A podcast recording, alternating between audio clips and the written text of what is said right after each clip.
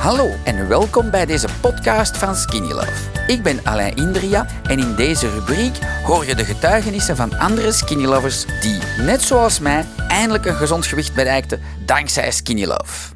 Ik gebruik sinds drie weken AX1. Eh, en waarom? Omdat ik eigenlijk al bijna zes jaar lang een chronische pijn heb in mijn eh, nek aan deze kant en aan mijn eh, schouder. Ik was eerst best wel sceptisch. Eh, totdat mijn eh, zus, eh, die ook in België woont, Angelique, mijn dank daarvoor, die gaf aan, hey, probeer eens AX1. Eh, dat heb ik gedaan, ik heb het besteld, ik heb het geprobeerd. Ik merkte in het begin niet zoveel resultaat. Uiteindelijk contact gehad met Alain. Alleen die gaf mij aan van, hey, probeer eens één schepje in de ochtend en één schepje aan het einde van de dag. Dat heb ik nu een week lang gedaan. En eh, ja, helemaal geweldig. Eh, geen eh, geen pijn meer, geen zeurderige pijn meer. Ik kan lekker slapen.